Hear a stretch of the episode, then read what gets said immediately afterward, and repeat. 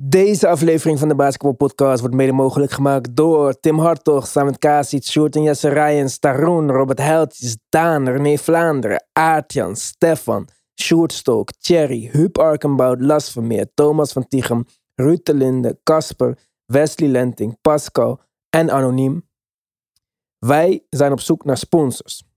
Om deze podcast te maken op deze manier is er een hoop tijd nodig. En zoals jullie weten, tijd kost geld. Wij zijn natuurlijk onze petje afleden enorm dankbaar en ook onze eenmalige donateurs. En zowel voor een abonnement als voor een eenmalige donatie ga je naar petje.af slash de basketbalpodcast. Maar helaas is dat niet genoeg. En ik zou het zo zonde vinden om nu op te geven, nu we nog groeiende zijn. Ik denk nog steeds dat we aan een mooie basketbal community bouwen. Maar financieel begint het lastig te worden. En daarom vraag ik het als eerste aan de DBP Family. Dus heb jij een bedrijf, ken je iemand met een bedrijf waarvan je denkt, hé, hey, dat past mooi bij elkaar? Laten we dan connecten. Je kan mij natuurlijk bereiken via Instagram, at de. Maar ook via info at thebasketballpodcast.nl. Basketbal met 1 L. Let's go.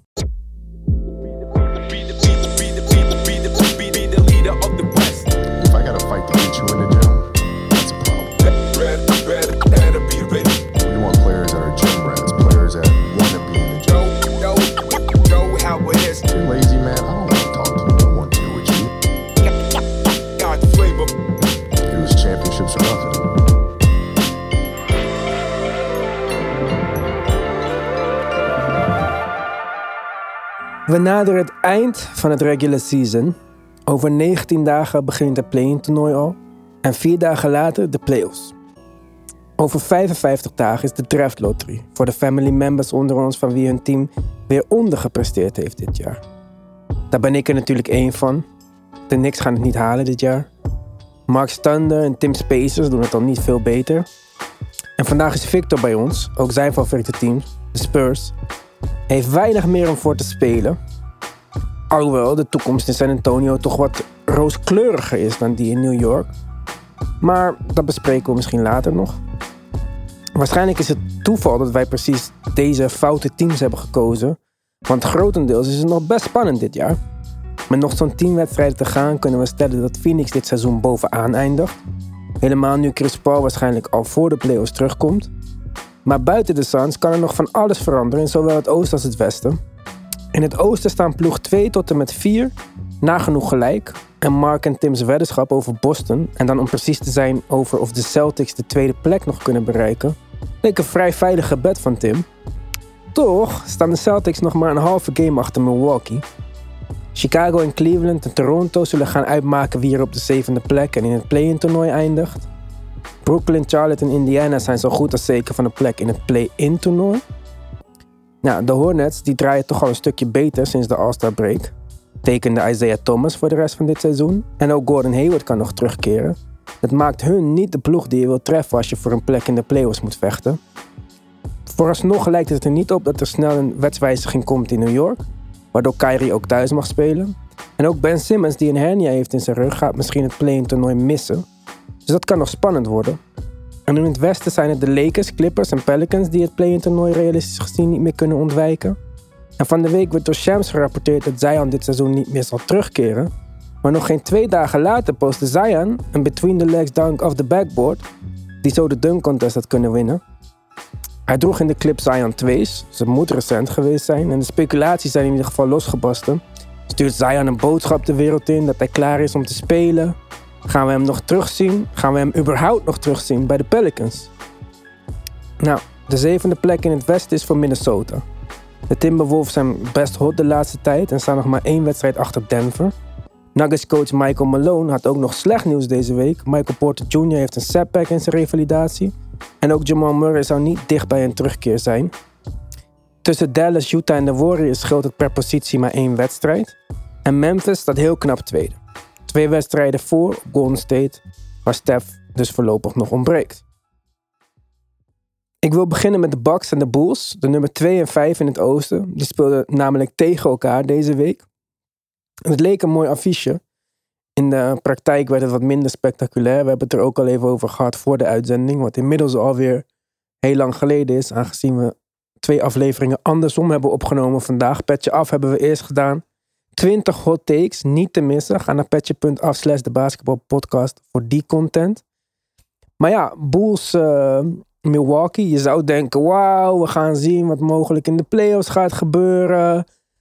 En toen zag ik ook, Chris Middleton speelt niet. Toen dacht ik, ah shit, nu zien we ze niet allebei op volle sterkte. Maar zelfs zonder Chris Middleton uh, was er geen kans voor de Bulls. Want volgens mij was het in het eerste kwart letterlijk al klaar. Ik was heel benieuwd. Ik dacht, uh, als Chicago nog een keer kan laten zien dat ze tegen een topploeg wel goed kunnen presteren. En nu met Patrick Williams, weliswaar vanaf de bank in beperkte minuten.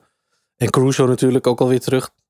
Maar ja, wat je zelf net al zei, uh, het viel bepaald niet, niet mee vanuit Chicago. En ik krijg toch meer en meer het idee dat Chicago echt afhaakt in een een eventuele contention race. Ja, maar je zei ook net Patrick Williams. Het was zijn eerste wedstrijd terug. En bij de andere partij was Brook Lopez zijn tweede of derde wedstrijd volgens mij. Ja. Tenminste, hij is nog niet zo lang terug. En uh, dat zei de commentator ook heel mooi in, in de wedstrijd. Het is niet hetzelfde. Het is een rookie die nog nooit echt heeft gespeeld.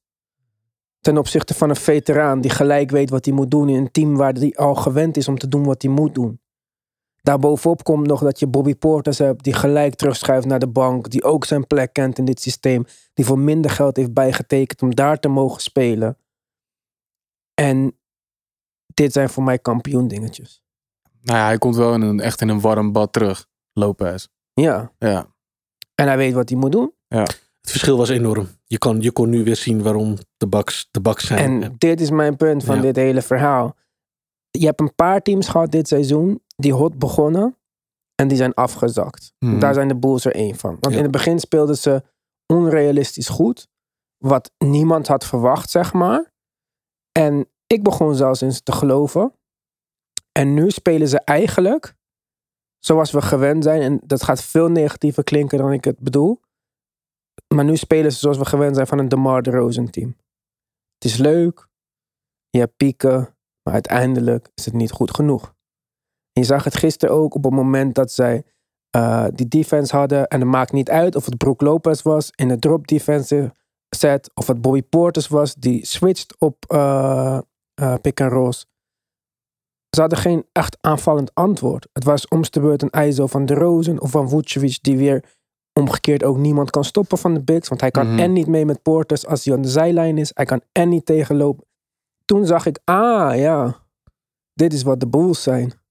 Maar, want dat vroeg ik me af tijdens het kijken. Ehm, het leek nu heel logisch dat de Bulls niet zijn wat we dachten dat ze waren. Mhm. Ehm, waarom zien we dit nu dan pas? Waarom, wat, wat was dan het begin van het jaar dat we echt dachten van oké, dit is een, een serieus team?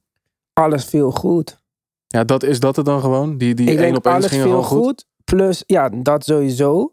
Uh, voor mijn, in mijn perceptie, maar dat, kunnen misschien cijfers uh, niet ondersteunen, is Zach Levine wat afgezwakt na zijn blessure. Misschien heeft hij daar mogelijk nog last van. De Rozen doet eigenlijk nog precies hetzelfde van wat hij deed, zeg maar. Hij is volgens mij een van de hotste scorers in het vierde kwart. Hij kan zijn eigen schot creëren. Maar dat is het. De Rozen heeft nog nooit een team beter gemaakt. Het was nu zo dat dit team met Caruso en Lonzo... je had opeens een dynamisch verdedigend backcourt. Ja. Je had een Vucevic die niet eens echt in vorm was... maar die wel... Ze, geen min, hij was geen min of zo. Hij is ook een tijdje geblesseerd geweest natuurlijk. En met Levine was hot. De Rozen deed zijn ding en het klikte gewoon. Ze hadden een makkelijk schema. Want nu zijn ze tegen de top acht teams. En dat hebben we al eerder aangegeven dat ze het niet zo goed doen tegen de betere teams in de NBA. Maar ze zijn nu tegen de top 8 teams 2 en 18. Ja. Kijk, en ja, sorry, dat, dat zegt dus toch best wel veel. Dat, zeg maar. dat is het over een heel seizoen genomen. We praten niet meer over, oh, in de eerste maand zat de pech als een stretch. Nee, de Bulls record tegen de top 8 teams in de league. 0-2 tegen de Suns, 0-2 tegen de Grizzlies, 0-3 tegen de Heats, 0-2 tegen de Warriors, 0-3 tegen de Bucks, 1-1 tegen de Jazz, 0-4 tegen de Sixers, 1-1 tegen de Celtics, waarvan waarschijnlijk 1 in de eerste helft van het seizoen mm -hmm. tegen de mhm. Celtics. Dat is een overal record van 2 en 18. Ja, dat is heel veelzeggend. En wat mij betreft uh, het absolute argument om ze een soort van uit de contention te halen. Maar ja, dit was natuurlijk een team wat in het begin met, met Lonzo en Caruso, je noemde het net zelf al, goed draaide. Wat voor mij het verschil toen maakte ten opzichte van de verwachtingen was dat ze verdedigend best wel goed deden. En voorafgaand aan het seizoen zei iedereen toen die trade gedaan was en de Bulls klaar waren voor het seizoen, dit kan nog wel eens een, een, aanvallend een heel leuk team worden, maar die gaan exact niemand verdedigen. Mhm. Nou, dat viel best mee. Mhm. Ja, En dat maakte dat ze ook best wel naar behoren presteerden. Want aanvallend leek het er ook best wel, hadden ze echt wel wat firepower. Dat, dat vind ik niet echt. Want we moeten niet vergeten, ze hadden Detroit vier keer gespeeld in de eerste 20 wedstrijden. Waardoor het leek alsof ze uitstekend defense had. Daarom toen hadden we Ja, over Dat is echt de reden. Maar nog steeds was het geen gatenkaas zoals wij misschien verwacht hadden. Iedereen zei van oké, dit is wat DeMar heeft geleerd bij de Spurs. Hij heeft geleerd om te verdedigen. Hij heeft geleerd om wat beter te pasen. En dit is nu het final product dat we zien. De beste versie van DeMar. Ja. Maar eigenlijk niet. Nee, vind, je- hem niet... Ik vind hem nog steeds... Ik vind hem leuk om te kijken. Het is een Mhm. mid-range game is beeldschoon. Om het, Maar is eh, dit zijn beste seizoen? Ja, het ligt eraan hoe je het bekijkt. Kijk, ze staan nog steeds zesde in het oosten. Mhm. Ik denk dat hij nog completer was bij de Spurs, omdat hij beter paasde bij de Spurs. En, Ja. Maar de Spurs haalden de playoffs niet vorig jaar. Dus dan kan ik niet zeggen dat dat. Maar dus dat onder, ja, onderbouwt weer mijn punt. Mhm. De Mar maakt niemand echt beter. Hij is gewoon een ISO king. King, gewoon hem qua ISO zetten in de top 5 misschien van de NBA. Hij heeft een midrange game die verdedigingen in de war maakt. Hè. Al- Alle verdedigingen zijn gebouwd om de driepunter eh te verdedigen en de lay-up tegen te houden. Maar ja, dat, dat, dat- ja, het maakt mij, laat mij nog meer zorgen maken voor in de playoffs. Als je wel in een 7 game serie tegen deze midrange games Mhm. gaat plannen, dan, dan valt het helemaal straks denk ik in het niet. En ik denk dat het gewoon als een verrassing uit niks kwam. Het verhaal was heel mooi. Ze hadden een makkelijke eerste seizoenhelft eh, qua schema. Injury pech, zeker. Patrick Williams, Lonzo, Caruso, eh, Levine, Vucevic in het begin. Maar nog steeds is het succesvol.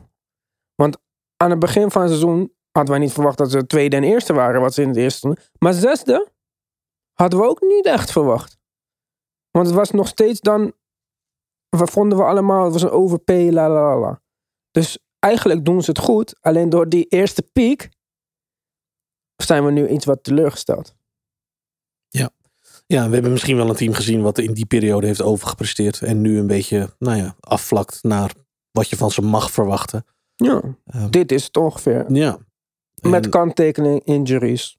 Ik vind de afwezigheid van Lonzo wel, wel een grote factor in deze. Ja, ik ook. Ik, ik, zou ze wel nog wel willen zien met hem. En dan met hem in ritme. Dus niet meteen als hij terugkomt. Want eh, ik vraag me überhaupt af of dat dit seizoen nog gaat gebeuren. En zo ja, in welke vorm. Hij zal tijd nodig hebben om weer een beetje ritme te vinden. Maar als dat gebeurt, ja, dan wil ik ze nog wel eens zien. Maar hoeveel extra wedstrijden had je ze dan gegeven? Want ze staan al 2,5 wedstrijd achter Boston. En ik ga ervan uit dat Boston deze stretch super hot afmaakt. Ik had graag dan- willen zien dat ze het wat beter zouden doen tegen de topteams. Want dat is nu, we hebben het net genoemd. Dat is wat mij betreft wat het verschil maakt tussen ben je überhaupt een contender ja of nee. En dat is voor de Bulls dit seizoen duidelijk niet het geval. Ja. Vanwege dat record. Ik zei trouwens dat ze staan zesde, maar staan vijfde natuurlijk. Dus eigenlijk geen man overboord. Prima seizoen. En eh, Qua standings niet. Nee, maar als je kijkt naar wat, wat, wat gaat deze ploeg in de playoffs doen. Want dat is waar we natuurlijk nu allemaal eh, een beetje naar aan het kijken zijn. Ja, ik heb die verwachtingen nu gewoon niet voor ze. Ja, niks. Nee. Nee. Als Philly vierde wordt, komen ze tegen Philly in de eerste ronde. Misschien als Boston eerste ronde gaan ze allebei verliezen. Ja, Ja. En misschien is het ook wel dat, dat, eh, dat we gewoon een beetje soort gewend zijn geraakt aan wat de Bulls aan het begin van het jaar deden. En dat ook teams tegen wie eh, de Bulls spelen, dat ze gewoon gewend zijn geraakt. En dat ze zien van, oh, dit is wat jullie doen. En ja, het is niet heel moeilijk om dat, dat dan te stoppen of zo. Nee, dat denk ik ook niet. Ik vind het geen heel gecompliceerd team. Ik denk überhaupt dat een team waarin de DeRozan eh de, de, de meeste scoring op zich neemt niet... eh, niet Arme heel de moeilijk- Mar de Rose. En, ja. Ja, maar hij doet het goed. Dat, en dat moeten we denk ik wel blijven, blijven Door onderkennen. Katie nog genoemd als MVP-kandidaat. Ja, Hoofd-MVP-kandidaat. maar ik denk dat we afgaande op het hele seizoen ook wel snappen waarom, toch? Dit, eh, Oké, Ja, maar hij komt voor mij het begint steeds meer in die categorie te komen van Jamal Crawford en zo. Alle echte hoepers recognizen zijn game, want hij heeft die game. Maar ja, Jamal Crawford scoorde 50 punten in zijn laatste wedstrijd. En heeft net deze week zijn retirement aangekondigd, want kon nooit meer een ploeg vinden. Deze soort spelers zijn uiteindelijk geen winning spelers. Nou, dat Er is een aan. reden dat deze zo goede scorer 25 miljoen per jaar verdient. In een league waar alle supersterren 45 krijgen. En zelfs dat, die 25 vonden we voor dit seizoen nog te veel. Ja. Maar hij is nooit een superstar geweest, toch? Hij is een all-star geweest. All-star is geen superstar. Hij is een all-star die dit jaar top 5 MVP voting is. Jeff Teague is een all-star geweest. Ja, Kyle Korver ook. Ja, Dus dus beter, voor het, het lijn van wat een all-star echt is. Oké, maar de Mar superstar? Rosen is wel een multiple all-star. Oké, dat kan je wel zeggen. Zijn laatste, misschien zelfs als je dit team meetelt, waar hij eigenlijk ook nu de beste speler is. Hij is op elk team waar hij gespeeld heeft de beste speler geweest. Ja. En hij is in de MVP-voting. En hij is top of the league in scoring. Dus misschien is superster een overdreven label, maar ster is hij wel. Ja, Nee, is zeker. Boven Jeff Teague en Ja. Kyle Korver, zeg maar. Ja. Nee, oké. Maar de vraag waarop we komen is...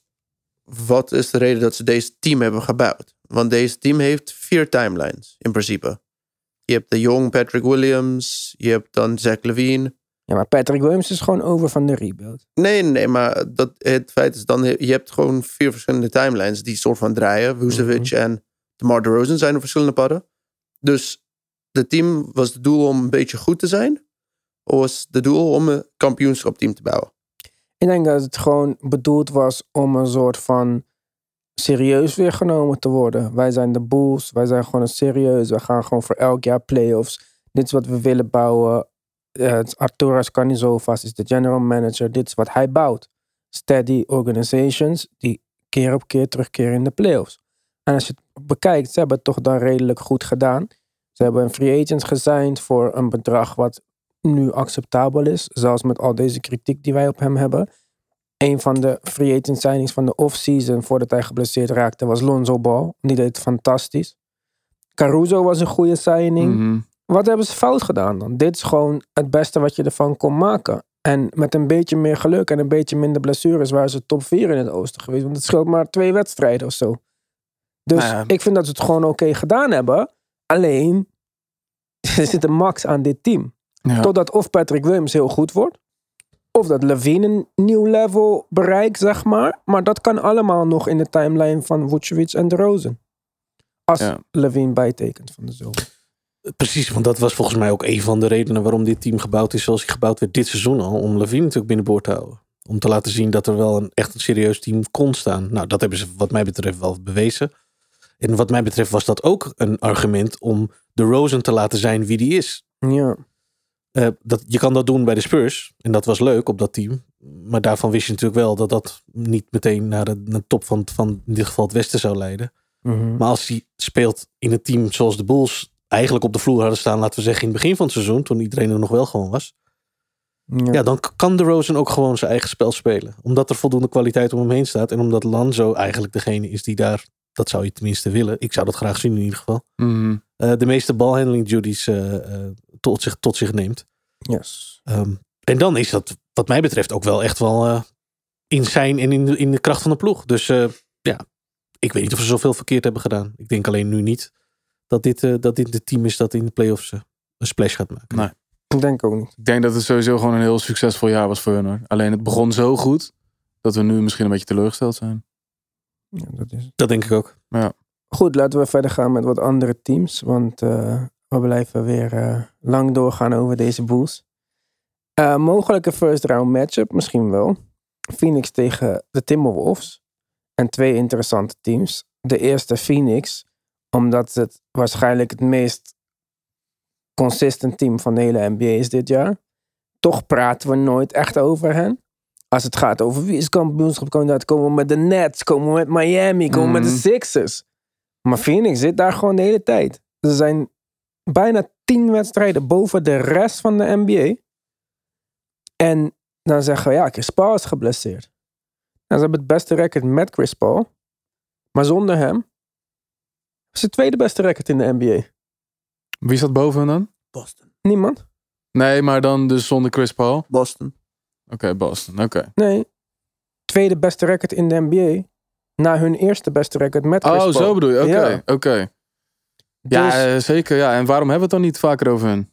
Dat vind ik ook een rare vraag. Want het is een van de best gebouwde, meest complete teams. Mhm. We hebben een traditionele big man die kan verdedigen en aanvallen. We hebben twee wings die kunnen switchen op elke verdediger Ja. in Crowder. Of op elke aanval in Crowder en in eh, Bridges. We hebben een elite point guard. En eigenlijk een elite shooting guard. Want noem maar een betere shooting guard in de Ja. NBA. Het ging aan het begin van het seizoen, dacht ik dat we het zouden gaan hebben. Wat wordt de strijd? Kijk, Beal is dit jaar presteert onder de maat. Clay was er niet. Dat zijn twee traditioneel goede point guards. Kyrie is geen point guard. Of eh, shooting guard, sorry. Mhm. Kyrie is niet echt een shooting guard, vind ik. Ik weet niet, het is ook geen point guard, maar Kyrie is gewoon Kyrie. Mhm. Nou, James Harden is geen shooting guard nu meer. Het is gewoon een point guard. Dus wat blijft er over? Point, eh, shooting guards. Zo, dit gaat me heel vaak door de war brengen. Eh, dus dit blijft over Booker en Levine eigenlijk. Allebei jong, zelfde trajectory een beetje. Levine had die bump naar de Olympische Spelen dit jaar. Eh, Booker had de bump naar de finals halen. Maar waar Levine een beetje afgezakt is, is Booker ondertussen. We praten nooit over Booker, maar weet je hoe goed Booker is? Mhm. Ook in de afwezigheid van Chris Paul is hij de main playmaker geworden. Hè? Praten we niet over. Booker is echt een consistent driepunter. Dus dat hij gewoon echt off de dribbel driepunters kan raakschieten. En eh, gewoon 40% van drie schiet. Verwijderd van echt een van de beste spelers in de NBA zijn. Mhm. En als ik zeg een van de beste spelers, bedoel ik gewoon echt top 10 zonder twijfel. Ja, daar zeg je het misschien al. Is het niet gewoon zo dat ze zo consistent zijn... eh, dat er ook niet echt een storyline uit te halen is? En dat je het daarom niet over hebt. Want je weet toch wel wat ze gaan doen. Dat is vrij saai.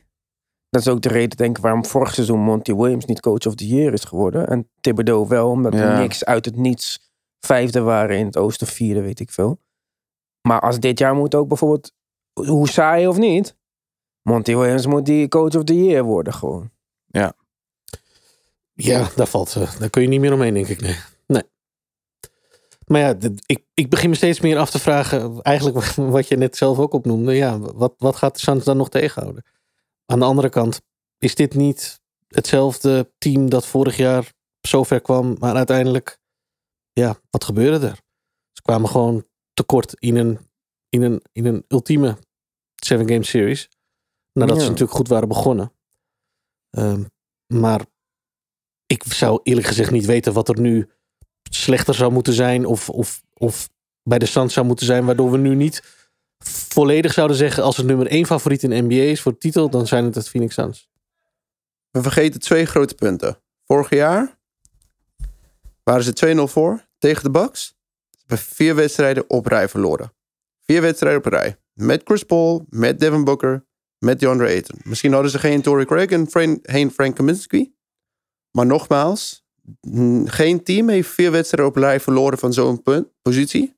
En dat is geen goede teken voor een team die weer in de playoffs komt. En Chris Paul, die is bekend voor de limiet raken in de regular seizoen. En die limiet blijft hetzelfde in de playoffs. Dus voor mijn gevoel, ik snap waarom ze niet de favorites zijn. Of we praten niet zoveel. Want ze moeten het bewijzen. Finales komen, prima. Maar vier wedstrijden op rij is echt iets dat ik kan niet herinneren de laatste tien jaar. Maar eh, zegt dat dan niet meer over de tegenstander, in dit geval de Bucks, dan over de Suns? Want alsnog de finale halen is, is super knap, toch? Ik bedoel, het is geen reden om het er niet over te hebben. Da- daar ben ik helemaal mee eens. Maar ik dit zijn redenen waarom we niet over hen praten. Of we niet in hun Hmm. geloven.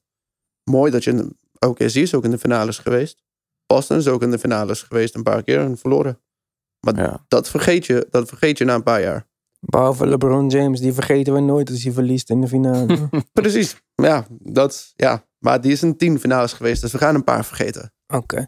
En aan de andere kant dan, Minnesota Timberwolves. Kijk, eh, had een mogelijk onderwerp kunnen zijn voor deze podcast. Maar ik zei ook in de chat. Ik heb ze net één of twee keer gezien in de afgelopen maand. Want ja, ik keek dit gewoon niet echt. En als ik dan lees, ja, ze zijn hot of ze zijn goed bezig. Dan denk ik, ja, whatever. Eh, het gaat vanzelf wel weer naar beneden. Want dat is wat we gewend zijn tenslotte van de Timberwolves. ja. En Ze hebben een goede offense nu. Maar volgens mij hebben ze ook nog steeds gewoon een slechte defense. Die laagste in de NBA.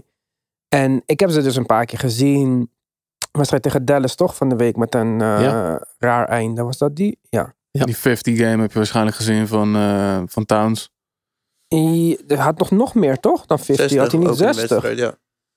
Ja, Was dat het ook ik tegen de gezien. Spurs? Was dat die wedstrijd? Ja, dat was tegen de Spurs ja, toch? oké. ja. dan Never mind dan. Maar dus, ja, wat is het? Het is een aanvallend team. En Towns die ook over zichzelf zegt dat hij de best shooting big man of all time is. Wat dan eventjes werd hersteld door KD in een podcast. Die zei, nou ben je Dirk niet vergeten. Hmm. Ik vind dat je KD daar ook bij mag rekenen. Want KD is groter dan Towns zelfs. Maar oké. Ja, goeie inderdaad. Katie ja. vindt het zelf niet. Ja. KD eh, vindt zichzelf geen big man. Want die vindt zichzelf nog steeds een small forward. Maar Ja. ja. Maar ja, ja. Timberwolves. Ze hebben wel een top 11 defense eigenlijk. Dat- De laatste, dus over het seizoen zijn ze 11 in Mhm. defense per 100 possessions. Mhm. En de laatste twee weken zijn ze zelfs zevende in defense. Dan, dus eh, eh, heb ik, ik dacht het ook niet. Maar Nou, dan vind zijn- ik het wel indrukwekkend, ja. Nou, dan moeten we misschien meer rekening gaan houden met dit team. Ik snap niet eens hoe ze dit doen. Ze hebben het beste record sinds de All-Star break. Sowieso. Ja. blijft interessant. Blijft interessant. Maar ze hebben Tim Ja, had een ik- goede punt ik, over eh, het feit hoe het team is gebouwd. ja, ik realiseerde me van de week toen ik zat te kijken dat dus de nummer 1 en de twee, twee draft pick uit dezelfde draft daar met elkaar samenspelen. Dat is misschien Russell en Towns? Ja. 2015 draft. Het wat, is wat ik sowieso... redelijk uniek vind. Ik denk qua... Want we hebben, ik heb het wel eens gezegd over de Miami Heat. Twee afleveringen geleden. Acht ongedrafte spelers. Hoogtgepikte speler in een starting... Of in een vaste rotatie. Tyler Hero nummer 13. Bij Minnesota. Ik denk niet dat er een starting line-up is met een gemiddeld hogere eh draft pick. Dat is waar. Ja. Want het is 1, 1, 2. En ik weet niet wie eens wie de vierde Mhm. speler is. Maar dat is wel bizar veel eh, hoog talent, zeg maar. Ja. En kijk, met D'Angelo Russell ook. Hè. Ik was niet gecharmeerd van hem. Toen ben ik net wel een beetje gecharmeerd van hem. Het is zo'n speler waar ik niet van weet. eh, Toen ging hij naar de Warriors. Dacht ik, oh, misschien kunnen zij nog een extra level van hem unlocken. Nee, niet gebeurd. Maar dan zie ik hem nu en hij heeft echt een vet mooie hesitation game. Hij heeft een soort van floater rond de vrije worplijn die hij telkens gebruikt. Zijn drie punten valt. Hij is crafty. Ja, het is een, maar het is een ingewikkeld team. En we hebben het ook wel, volgens mij hadden we het voor de uitzending, of net hadden we het even over Beverly. Volgens mij jij, Victor, mag hem eh, niet. Nee, het is niet mijn speler, nee. Maar hij heeft wel een culture neergezet in dit team. Er is geen meer, oh, we hebben 50 punten gescoord en nu gaan we gewoon naar de kleedkamer alsof er niks aan de hand is. Nee, er is een Patrick Beverly die er achterna jaagt. En voor dat heeft hij, is hij wel in de perfecte situatie. Want ik was ook niet eh, into Beverly en ik, was, had hem ook wel gehad bij de Clippers en zo. Ik dacht, nou, het is leuk geweest nu met hem. Zijn tijd is ook voorbij. Maar ehm, ja, wat hij met de Minnesota Timberwolves heeft gedaan, is toch dat hij ze een soort van het gevoel heeft gegeven van, hé, hey, we kunnen vechten voor shit. Ja, nou, hij heeft zeker impact. Dat, Ja. dat, moet ik, eh, dat moet ik hem zeker meegeven, ja. Ja, dat kun je ook wel zien. Ik blijf het gewoon een, een, een moeilijk verhaal vinden om ehm, zowel Russell als Towns als Edwards daar te zien, laten we zeggen, thriven. Ehm, en vooral Edwards vind ik daarin. eh, Samen bedoel je ja, tegelijk. samen, sorry. Ja, ja, ja. Ja, ja, ja. Het zijn alle drie eh, echt wel leuke spelers. Vooral Towns en Edwards natuurlijk aanvallend echt wel explosief. Vind je Edwards aanvallend zo explosief? Dat, dat die potentie heeft hij. Maar ik vind hem net zo goed stil kunnen staan op het moment dat Towns bezig is. Of dat Russell met Towns eh, eh, een- in de pick and roll bezig is. Ik heb het idee dat daar nog wel vraagtekens op te lossen zijn. Met, bijvoorbeeld met oog op volgend seizoen. Want ja, dit seizoen doen ze natuurlijk helemaal recent verder hartstikke goed. Maar ik zie ze niet per se als een team wat daardoor heel ver gaat komen in de playoffs. Zo, ja, dat, dat, dat vertrouwen hebben ze mij in ieder geval nog, nog niet gegeven. Ik heb ook niet vertrouwen in Edwards dat hij een cons- consistent aanvallende speler wordt, zeg maar. Überhaupt in zijn carrière dan, bedoel je? Ja, nog niet hè. Nee. Maar ik, heb dat, ik had dat ook niet met Devin Booker en Levine. Dus ik zit er blijkbaar vaak naast met jonge shooting guards. Maar waar ik hem wel beter in vind dan Booker en Levine bijvoorbeeld, is verdedigen. Ik vind echt, ik heb hem een paar keer gezien dat zij hem gewoon hebben gestikt op de beste opposing guard. En dat hij het gewoon best wel netjes deed. En dat vind ik vele malen indrukwekkender dan als hij nu 25 punten per wedstrijd zou scoren. Want ik heb ten alle tijden liever een speler die lockdown defense kan spelen en 24 punten kan scoren. Dan gewoon de zoveelste guy die 29 punten kan scoren en niet kan verdedigen en uiteindelijk nog geen plus is. DeMar. James Harden. Ja. Ja, met je eens. En, en natuurlijk enorm waardevol. eh, mocht je inderdaad op een gegeven moment wel wat in de, als serieus team willen doen, dan zal je zo'n speler moeten hebben. En, Beverly is natuurlijk iemand die daar meer een culture neerzet. Maar als Edwards die rol zou kunnen gaan vervullen Hij in is de toekomst. talentvoller verdedigen dan, dat, dan heel veel andere shooting guards. Ja, ja, dat gaat wel eens het verschil moeten kunnen maken voor Timberwolves. Want eh, het is natuurlijk een jarenlang team geweest wat eh over draftpick niet, eh, niet te klagen heeft gehad. Nee, want de speler die ze hebben getraind voor D'Angelo Russell was ook een nummer 1 pick. Ja. Dus is echt de nummer 1 en nummer. En Ja. de speler voor wie ze hem hebben getraind was ook een hoge. Ik weet niet hoe hoog Kevin Love was, maar vast een top 5 pick. Dus eh, ze blijven maar hoge picks krijgen, die Timberwolves. Precies. Maar dat lijkt nu even klaar dus, want ze staan gewoon rustig eh, op een playoff plek, toch? Of staan ze nog zevende? De zevende nog, maar Maar ik denk wel dat ze Denver ze kunnen zijn wel op weg naar Denver nummer 6. Ja, En ze zijn ook best wel hot. Ze 8 en 2, 1 verloren. Denver 6 en 4. Is toch lastig om één wedstrijd in te halen op zo'n korte termijn. Ik weet niet wat hun onderlinge resultaat is. Dat, dat maakt dan ook nog uit. Maar ehm, ja, toch knap. In ieder geval hoopgevend voor de toekomstige seizoenen, zeg maar. Ja. ja. ja, vooral dat. Het is een stuk minder kansloos dan ik dacht. Want ik dacht echt, nou, ik weet, ik weet die Edwards vind ik maar een grappenmaker. Hij is niet serieus genoeg. En dat kan leuk zijn. Sommige mensen vinden het leuk. Maar ja, ik kijk eerst naar wat er op het veld gebeurt, zeg maar. Ja. En dan Town staat dan niet bekend als een killer. Mhm. D'Angelo Russell staat niet bekend als de beste teamgenoot. Die combinatie van dit alles leek mij niet een succesverhaal. maar, nou, oké dan, toch? Ja, de, de eerste signalen zijn daarvoor misschien mogelijk volgend jaar een, eh, een, laten we zeggen, een echte push. Als, als ze dit een heel seizoen kunnen doen, wat ze bijvoorbeeld de afgelopen maanden hebben gedaan, bijvoorbeeld sinds, Ja. sinds dan, eh, ja, dan, dan moet ik het nog zien. Ik ben heel benieuwd. Maar eh, ja, vooralsnog leuke signalen, vooral dat. Niet, geen serieuze playoff ploeg nog. Kijk, we hebben misschien niet superveel luisteraars die Timberwolf fan zijn. Maar als jullie fan zijn, dan hebben jullie in ieder geval eh, onze positieve outlook gehoord van, over de Timberwolves. Er waren nog een hoop ploegen die we hadden kunnen bespreken. Maar we zitten alweer aan de tijd voor vandaag. Op Petje Af kun je verder luisteren naar onze 20 hot takes. Dus petje.af slash de basketbal podcast voor dat. En anders horen jullie volgende week weer van ons. Maandag zijn we er weer. Voor nu wil ik jullie bedanken voor het luisteren en tot de volgende keer.